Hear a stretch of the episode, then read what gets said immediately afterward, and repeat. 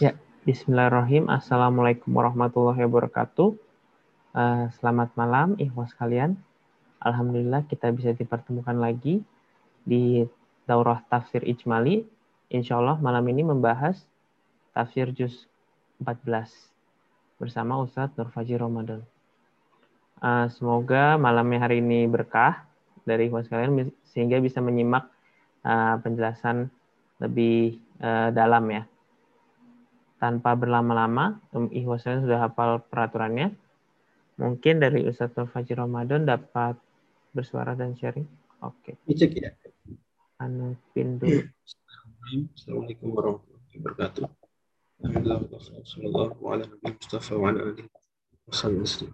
Mohon maaf tadi saya terlambat 5 menit karena harus pindah dulu switch dari satu pengajian ke pengajian ini tidak mudah ternyata untuk bisa switch cepat itu. Sekarang kita di juz 14 para jamaah yang dirahmati Allah, juz kelihatan ya. Eh, yang membentang di dua surat, tepat di dua surat. Jadi tidak meloncat ya. Tepat dua surat yaitu surat Al-Hijr dan surat An-Nahl. Surat Al-Hijr dan surat An-Nahl. Dan surat Al-Hijr ini surat yang uh, disebut dengan Al-Hijr karena Al-Hijr nama tempatnya ting tempat tinggalnya kaum Samud. Hijr tempat tinggalnya kaum Samud. Kaum Samud nabinya Nabi Soleh alaihissalam. Tempat mereka namanya Al-Hijr karena di akhir surat Allah bilang walaqad kadzdzaba ashabul hijril mursalin. Sungguh penduduk Hijr oke okay, telah mendustakan para rasul. Kata Allah Subhanahu wa taala di atau di surat Al-Hijr alif lam ra dan ini berarti terusan dari surat-surat alif lam ra. Di mana kita sudah singgung bahwa surat alif lam ra dimulai dari surat Yunus sampai surat Al-Hijr. Dengan pengecualian surat Al-Ra'd. Memang sudah kita sebutin, Ar-Ra'd ini unik ya di antara dua surat di antara kemarin di antara surat apa? Surat Yusuf yang merupakan surat apa? Kita beri julukan surat Surat Yusuf surat apa?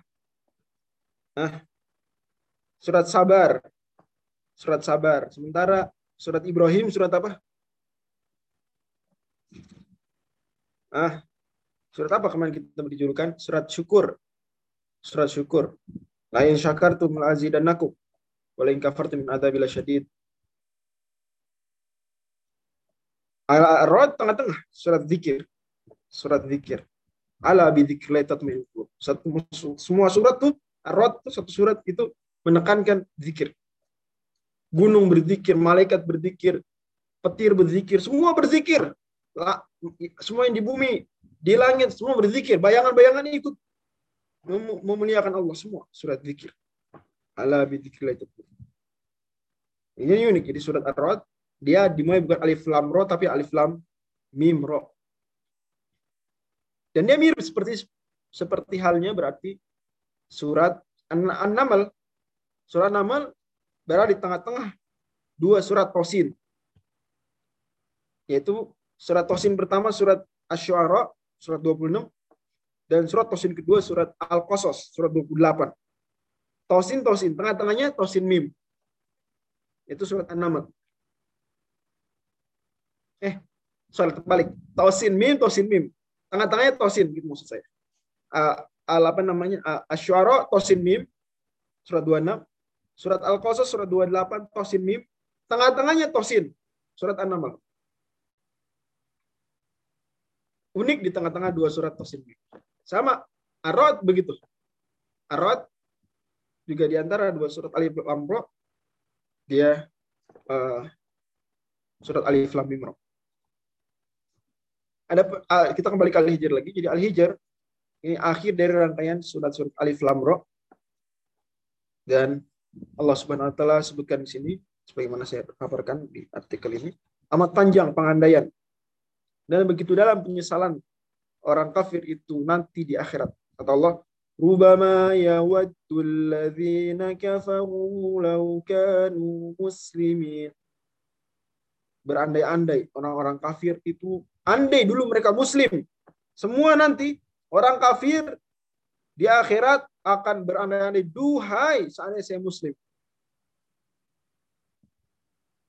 Kelak mereka akan berangan sekiranya mereka dahulu di dunia menjadi orang muslim. Kata Allah, "Daruhum ya'kulu wa yatamatta'u wa yulhihimul amal." Biarlah, biarkanlah di dunia ini mereka makan sepuasnya. Bersenang-senang hati, sesuka hati. Dan dilalaikan oleh khayalan hampa. Sungguh iblis telah berhasil mewujudkan janjinya. Janji yang Allah sebutkan, janji iblis di surat Al-Hijr la uzayyinanna lahum akan aku hiasi perbuatan jahat agar nampak indah bagi mereka. Apabila ditanya kepada mereka, "Madza anzala rabbukum?" Apa yang diturunkan Tuhan kalian? Mereka jawab, "Qalu asatirul awwalin." Mereka mengatakan dongeng-dongeng orang-orang terdahulu. Persis seperti yang dikatakan oleh para orientalis zaman modern. Al-Quran ini tidak lain hanyalah dongeng orang-orang terdahulu. Persis saya pun mendengar perkataan dongeng orang-orang terdahulu itu dari teman semeja saya dahulu waktu SMP. Saya ingat, tidak akan saya lupa momen tersebut. Waktu saya kelas 2 SMP, kelas 8, teman saya semeja itu bukan muslim. Semoga beri hidayah. Semoga Allah beri hidayah. Semoga Allah beri hidayah. Dan dia mengatakan perkataan seperti itu. Dalam hati saya yang sudah hafal surat Az-Zuh, uh, surat Al-Mutaffifin, kemudian iris. Saya mau bilang, ini benar loh omongan kamu di Quran. Cuma khawatir malah menghalangi dari hidayah. Ya, maka saya kemudian nah, hanya jadi ya, pes, ya, pelajaran saja dalam hati. Kalau wasatirul awalin ini dari surat An-Nahl. Mereka menuduh Al-Quran itu hanya diajarkan oleh seorang Nasrani yang berkebangsaan Romawi Timur kepada Nabi Muhammad SAW. Kata mereka, inama yu'allimuhu bashar. Nah ini mah Quran cuma diajari oleh manusia saja. Maka Allah bantah, lisanul yulhiduna ajamiyun. Bahasa orang yang mereka tuduhkan bahwa Nabi Muhammad mengambil dari itu adalah ajami, tidak bukan bahasa Arab. Wa hadza lisanun arabiyyun mungkin sementara Al-Qur'an berbahasa Arab. Dan Masya Allah, tuduhan itu diulang lagi oleh orientalis dan dilatahi oleh sebagian orang yang berkebangsaan Arab atau berkebangsaan Indonesia yang mengikuti perkataan-perkataan tersebut yudahiuna ladzina kafaru min. Sama, saya baca di buku-buku mereka mengatakan persis persis bahwa pada akhirnya Al-Qur'an ini adalah Nabi Muhammad atau mereka tidak pakai nabi. Bayangkan, orang yang KTP-nya Islam menulis tentang ini tidak pakai nabi. Muhammad itu mengambil inspirasi Al-Qur'an dari peradaban-peradaban lain, ambil hukum yang Romawi dan seterusnya. Ada buku di rumah saya. Atau Allah Subhanahu wa taala padahal Al-Qur'an berbahasa Arab jelas, sementara orang-orang yang dituduhkan itu tidak berbahasa Arab. Dan Nabi Muhammad SAW bukan sastrawan, bukan pujangga. Wa ma'alam nahusyira wa ma'yam Tidak pernah Nabi diajari syair. Dari kecil, sampai 40 tahun Nabi Muhammad SAW tidak tidak bersyair. Seperti halnya kebanyakan orang Arab tiba-tiba usia 40 tahun membawakan Quran yang mengalahkan syair siapa pun. Ini mustahil dari beliau. Pasti dari Allah Dan sebagai tambahan teman-teman sekalian yang pernah belajar balaghah khususnya ilmu ma'an, ilmu ya balaghah secara ya, balaghah secara. Biasanya di awal itu ada pembahasan tentang uyubul fasohah. Aib-aib kefasihan. Kan gitu pasti belajar itu di awalnya. Di mana di situ dibawakan contoh bahwa ada hal-hal yang tidak fasih dari ucapan Arab. Seperti misalnya apa? Tanafurul huruf tanafurul kalimat mukhalafatu al-qawaid dan sejenisnya. Ada dan contoh-contohnya dari syair-syair klasik kan begitu contoh-contohnya dari syair klasik syair pra-Islam syair atau even after Islam. Tapi syair pra-Islam pun banyak kata-kata yang ya tidak nyaman dibaca, tidak nyaman didengar. Ada. Asi, gorobah, dan seterusnya. Atau bahkan tidak ideal secara kaidah. Itu ada. Jadi klaim bahwa syair itu tidak ada kesalahan uh, nahunya atau ya mungkin kalau disebut salah tidak salah tapi tidak ideal. tidak ideal dalam hal nahu, ya, menyimpang dari kaidah yang yang baku, yang yang yang yang jamak, kaidah yang lazim umumnya digunakan. Itu maksudnya uh, mukhalafatul qaidil lughah, mukhalafatul qiyas itu maksudnya. Tapi Al-Quran tidak seperti itu. Al-Quran tidak seperti. Kata-katanya mudah. Ya, tidak sampai level goroba, enggak. Enggak sampai level goroba. Kuat. Bisa dinikmati orang awam, bisa dinikmati orang pinter. Expert menikmatinya, layman menikmatinya. Dan begitulah memang kata Allah, sungguhnya kamilah yang menurunkan Al-Quran. Inna nazala dzikra wa inna lahu lahfidhun di surat Al-Hijr dan kami pula yang pasti memelihara. Di antara mereka banyak yang tatkala diberi kabar di hari persalinan dengan kelahiran anak perempuan, dia menjadi sangat murka. Di surat An-Nahl Allah sebutkan. Dan FYI, surat An-Nahl nama lainnya adalah surat An-Ni'am. Nama lain surat An-Nahl adalah surat An-Ni'am. Surat nikmat-nikmat. Karena memang isinya penuh nikmat. Sampai terkenal di dalamnya ada kadzalika yutim ni'matahu 'alaikum la'allakum tuslimun. Demikianlah Allah Subhanahu wa taala menyempurnakan nikmatnya atas kalian agar kalian berislam. Al-Fakir sendiri punya kebiasaan ini tidak dianggap sunnah Nabi, tapi punya kebiasaan pribadi bahwa kalau dapat sebuah nikmat yang luar biasa, baca surat An-Nahl langsung dari awal sampai akhir. Kadzalika yutimmu ni'matahu 'alaikum la'allakum tuslimun. Nah, surat An-Nahl di dalamnya banyak nikmat. Menariknya, Allah menyebutkan di antara nikmat Allah yang agung adalah punya anak perempuan. Dan itu kontras dengan anggapan orang-orang Arab saat itu dan anggapan orang-orang Romawi saat itu, orang-orang peradaban dunia saat itu itu cenderung tidak suka anak perempuan. Bahkan kita semua tahu bahwa tokoh emansipasi wanita di Eropa saja baru muncul di abad 18. Itu baru dia menyuarakan agar perempuan bisa ikut sekolah, agar bla bla. Perempuan baru, baru ya teman-teman tahu nggak tahun 2020 itu Oxford merayakan ya 100 tahun perempuan kuliah di Oxford. Anda bayangkan Baru 100 tahun lalu perempuan bisa kuliah di Oxford. Anda bayangkan. 100 tahun lalu. Memang demikian adanya. Peradaban-peradaban yang tidak islami seperti itu. Diskriminatif terhadap misoginis istilahnya kalau kita kalau boleh pinjam istilah. Ah, adapun Allah Subhanahu wa taala adapun Islam maka justru menyebut kelahiran anak perempuan sebagai sebagai sebuah berkah, sebagai nikmat. Tapi Allah bawakan dengan menggambarkan betapa tidak tidak senangnya orang-orang musyrikin mendapatkan kabar gembira eh kabar bahwa dia punya anak perempuan. Jadi murka wajahnya. Nampak wajahnya menjadi hitam, kelam, bercampur merah padam. Ya tawaro minal qawmi min su'ima busyirabi. Dia ngumpet, bersembunyi dari orang banyak. Gak berani dia bikin status. Alhamdulillah telah apa? Saya dikaruniai seperti Ustadz Zahid, salah satu ustadz kita di yayasan bisa tadi baru diberikan nikmat punya anak dan begitu juga ya pembina yayasan bisa Ucang Haji ya, Khairul Umam juga uh, dua hari lalu baru diberikan anak atau dua tiga hari lalu baru dapat keturunan kan mengumumkan. Kami alhamdulillah bersyukur. Kalau mereka kalau punya anak perempuan ya tawaro minal ngumpet. Bersembunyi orang banyak.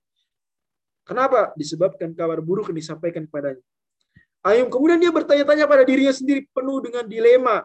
Ayum siku ala hunin am fiturab. Apa dia akan terus memelihara anak perempuan tersebut dengan menanggung kehinaan seumur hidup ataukah menguburkannya ke dalam tanah hidup-hidup? Ya Allah. Makanya Allah Subhanahu wa taala menyinggung. Aneh sekali mereka mengklaim bahwa Allah punya anak perempuan. Wa yaj'aluna lillahi banat Allah punya anak perempuan kata mereka. Subhanah walahum ma yashtahun. Maksudnya Allah dari punya anak. Sementara mereka sendiri gak mau punya anak perempuan. Maunya punya anak yang mereka inginkan anak laki-laki. Aneh. Pun Allah subhanahu sebutkan keanehan lain. Paradoks lainnya. Di antara mereka saat ditimpa kesengsaraan. Maka kepada Allah saja ia minta pertolongan. Tapi setelah diberikan pertolongan, malah mereka idah yusyrikun, malah membuat kemusyrikan. Pun jika Allah bukakan salah satu dari buat satu dari mereka pintu langit. Ini argumen terkuat ya untuk mematahkan argumen argumen penentang Islam. Biasanya penentang Islam ya yang paling parah misalnya ateis contoh misalnya di antara yang paling parah. Tidak percaya Tuhan. Mana Tuhan? Enggak. Dibawakan argumen logika dan dan dan seterusnya. Enggak enggak. Pokoknya saya mau baru percaya Tuhan kalau melihat. Ada orang kayak gitu beneran. Dia baru saya baru percaya Tuhan kalau udah lihat Tuhan. Mana Tuhan? Tunjukin dirinya. Baru saya percaya kata dia.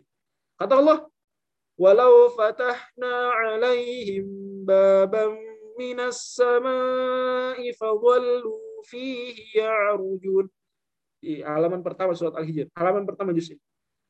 Kalau seandainya kami bukakan bagi mereka pintu langit, kemudian mereka naik melihat keajaiban ciptaan Allah di langit. Ya, melihat malaikat, melihat even melihat Allah pada akhirnya. Laqalu innama sukkirat absaruna bal nahnu qaumun mashhurun. Niscaya mereka akan tetap saja punya alasan dengan mengatakan, ah kita ini sedang disihir saja. Wah ini tipuan ilusi ilusi optis ini. Jadi orang yang menentang eksistensi Tuhan bilang saya baru percaya Tuhan kalau melihat Tuhan. Itu aneh Tuhan perlihatkan wujud pada dia pun dia tetap akan punya alasan. Bisa beralasan. Apa alasannya? Ah, ini ilusi aja. Ini disihir saya. Disihir. Terhadap orang seperti itu. Ya yang ya tinggal kita katakan saja jangan-jangan pun kamu sendiri sebetulnya tidak eksis.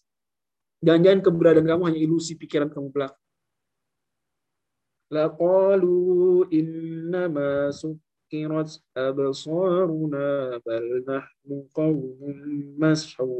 Jujur saya sebelum merenungi ayat ini saya sendiri. Itu sedih sekali kalau nggak bisa membuktikan. Saya pernah berhadapan dengan beberapa orang ateis atau orang yang percaya Tuhan tapi tidak percaya agama. Berapa kali. Di ya bahkan secara publik pun pernah. Nggak secara publik jauh lebih sering. Ya. saya sering sedih dulu sebelum merenungi ayat itu. Surat al-hijr halaman pertama paling bawah. Itu gimana biar mereka percaya? Tapi pada akhirnya ayat ini memberikan ketenangan saya bisa bayangkan Nabi pun mendapatkan ketenangan tersebut ketika disampaikan ayat ini. Nabi tenang saja kalau engkau nggak perlu merasa sedih banget desperate ketika orang-orang tidak percaya kamu. Pengennya uh ya Allah udah deh turunin ayat turunin mujizat kasih lihat mereka buktikan dirimu. Pengennya gitu pasti. Siapa pun kita ada kecenderungan pengen udah deh ya Allah kasih lihat orang-orang musyrik itu tunjukkan.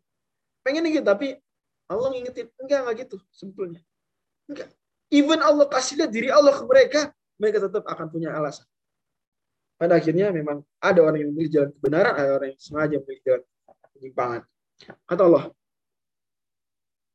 bal nahnu eh, laqalu inna masukrat abasaruna bal nahnu. Tidak akan punya alasan. Mereka enggan mengimaninya, sombong dari mengesahkan dan congkak dari menaati perintahnya.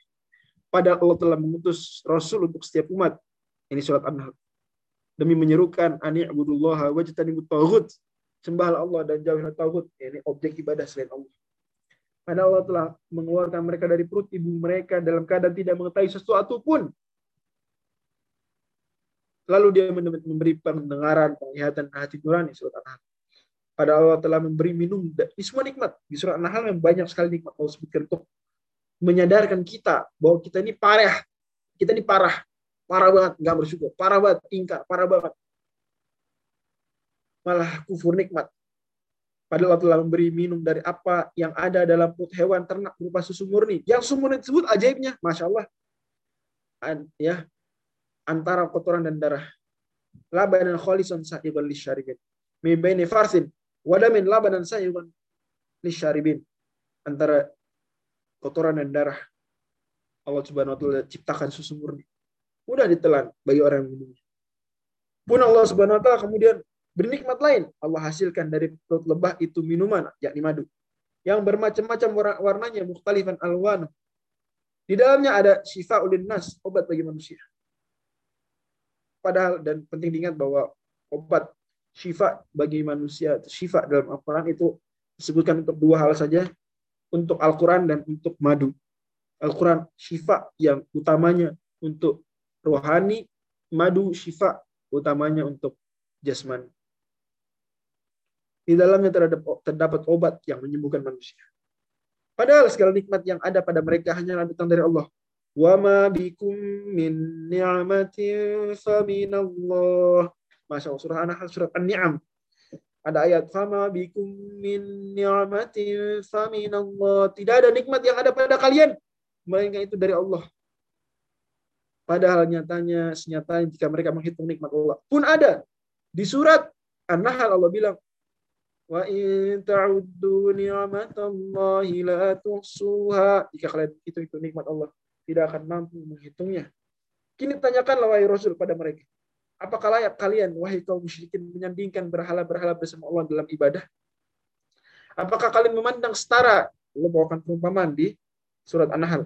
Setara seorang hamba sahaya budak yang tidak berdaya berbuat sesuatu dengan orang kaya raya lagi gemar infak hartanya itu sembunyi-sembunyi dan terang-terangan. Samakah keduanya? Allah bandingkan.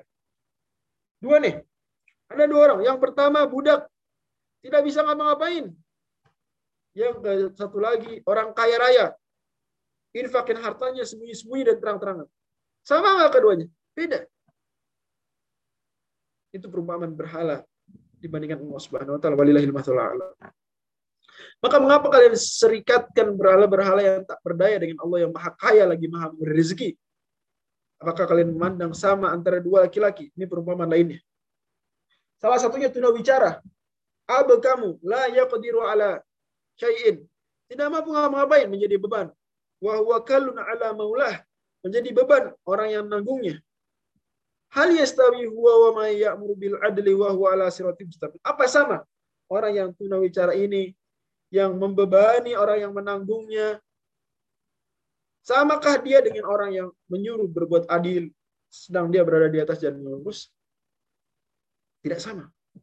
Maka apakah yang kuasa mencipta sama dengan yang tidak dapat menciptakan apa pun? Afa yakhluqu kamal la yakhluq. Surat An-Nahl. Apa sama yang berkuasa mencipta dengan yang tidak kuasa mencipta apa pun? Amatlah jauh kalian dari kehanifan akidah Nabi Ibrahim yang kalian banggakan itu. Kalian banggakan Nabi Ibrahim sebagai leluhur kalian tapi jauh kalian dari kehanifan beliau. Inna Ibrahim kana ummatan qanitan lillahi hanifan wa lam yakun minal musyrikin. Di akhir surat An-Nahl Allah bilang sungguh Ibrahim adalah ummatan, adalah sebuah umat dalam tanda kutip, yakni di dalam diri beliau ada kriteria-kriteria keumatan kriteria pemimpin sebuah umat. Telat keteladanan. Qanitan lillahi hanifan wa lam musyrikin. Yang dia tunduk patuh pada perintah Allah.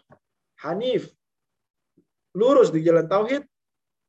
Cenderung berpaling dari kemusyrikan tidak termasuk orang musyrik walam yakum minal musyrikin syakir lian ummi karena surat An-Nahl, surat An-Ni'am, walaupun disebutkan bahwa Nabi Ibrahim syakiran li an'umi mensyukuri nikmat-nikmat Allah.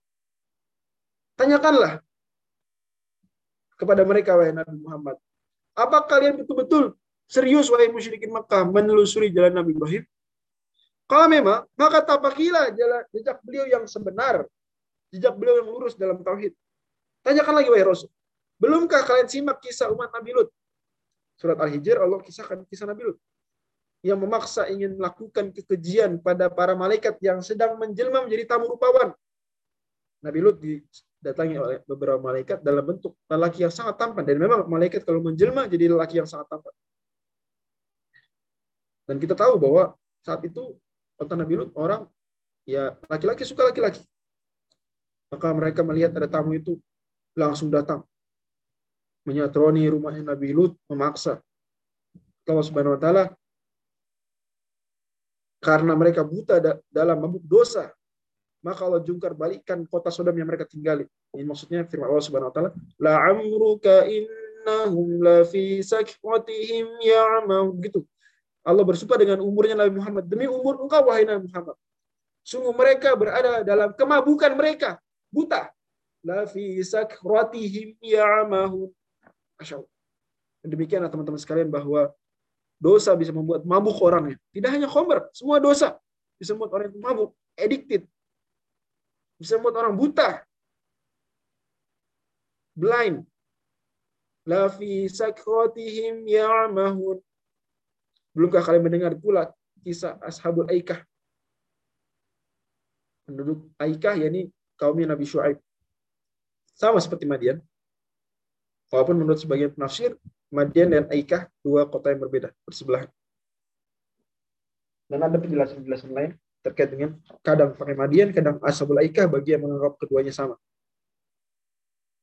Mereka zolim karena menyembah berhala berupa pohon Aikah. Jadi ada juga berhala pohon seperti Uzza pohon, Aikah pun pohon. Maka Allah pun membalaskan dendam atas mereka. Fantaqomna minkum wa innahuma labi imamin. Kami hukum mereka dengan azab yang menyesalkan. Ataukah mereka belum mengetahui berita punahnya Ashabul Hijr di bangsa Samud? Walaqad kazzaba ashabul hijril mursalin. Kaum Samud yang menghuni dataran Hijr telah kami anugerahkan mujizat adiluhum berupa untanya. Unta yang bisa memberikan susu tak terbatas. Kami karuniakan mereka kekuatan. Wa kanu yanhituna minal jibali buyutan aminin. Pandai mereka memahat gunung batu menjadi rumah, bayangkan. Tapi mereka berpaling, maka kami musnahkan semua itu. Di akhirat kelak, tempat kembali mereka adalah jahanam yang pintunya tubuh, yang pintunya tujuh. Laha sab'atu abwab surat Al-Hijr. Pintu jahanam tujuh. Likulli babim minhum juz'um maqsum. Setiap pintu telah ditetapkan golongan tertentu dari pendurhaka.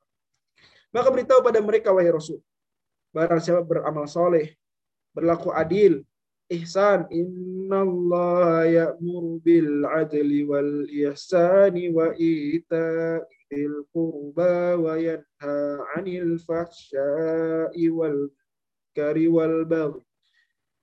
Dan juga firman Allah Subhanahu wa taala man amila salihan min dzakarin aw unsa wa huwa mu'minun falanuhyiyannahu hayatan thayyibah surat An-Nahl maka kami pasti berikan padanya kehidupan yang baik dan kami akan beri balasan dengan pahala yang lebih baik ajrahum bi ahsani ma kanu ya'malun dari apa yang mereka kerjakan semua surat An-Nahl dalam surga pun kami akan lenyapkan segala rasa dendam di surat Al-Hijr.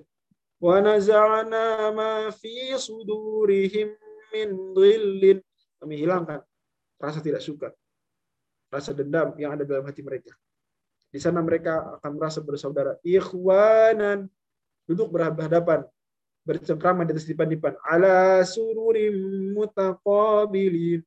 Maka sampaikanlah wahai Rasul secara terang-terangan kepada mereka segala apa yang diperintahkan kepadamu fasda bima tu'mar akhir surat al-hijr wa arid anil musyrikin serta berpalinglah dari orang-orang musyrik sebagaimana teladan ayahmu Nabi Ibrahim perumpamaan orang musyrikin Quraisy adalah seperti laksana negeri yang dahulu aman kanat aminatan mutmainnatan yati rizquha rawadan akhir surat al lagi tentram rezeki datang pada mereka melimpah ruah dari segenap tempat Fakafarat bi umillah tapi mereka justru di surat An-Ni'am Allah sebutkan justru mengingkari nikmat-nikmat Allah. Fa'adzaqaha Allah libasal ju'i wal khawfi makanu yasna'un. Maka Allah Subhanahu timpakan pada mereka, membuat mereka merasakan bencana kelaparan, ketakutan disebabkan apa yang mereka perbuat. Padahal telah datang pada mereka seorang rasul, walau ja'ahum rasul minhum, tapi mereka dustakan, fakadzabuhu. Semestinya mereka beriman pada sang nabi, teguh di atas keimanan, tidak goyah walau disiksa, soalnya jika terpaksa illa man ukriha wa qalbuhu mutmainnun bil iman. Kecuali orang yang dipaksa hatinya sementara itu tetap tenang dalam keimanan. Maka silakan tampakkan seolah-olah murtad padahal iman kokoh bersemayam dalam dada. Tapi barang siapa yang walakin man syarha bil kufri sadrah melapang dada melapang dadanya untuk kafir pada Allah setelah beriman, maka fa'alaihim ghadab minallah. Kemurkaan Allah atas dia menimpanya dan mereka akan mendapat azab yang besar.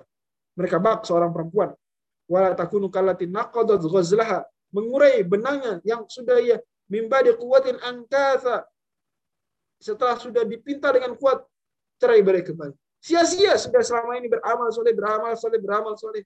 Seperti memintal benang, tapi setelah itu diurai kembali. Serulah wahai Rasul, manusia. Udah ila sabili rabbika bil hikmah. Akhir surat an Manusia serulah mereka kepada jalan Tuhanmu dengan hikmah, teladan, pengajaran yang baik, ucapan lisan, wajadilhum dan kadang-kadang jika diperlukan silakanlah berdebat dengan mereka dengan cara yang baik. Kabarkanlah kepada mereka Nabi ibadi surat Al-Hijr.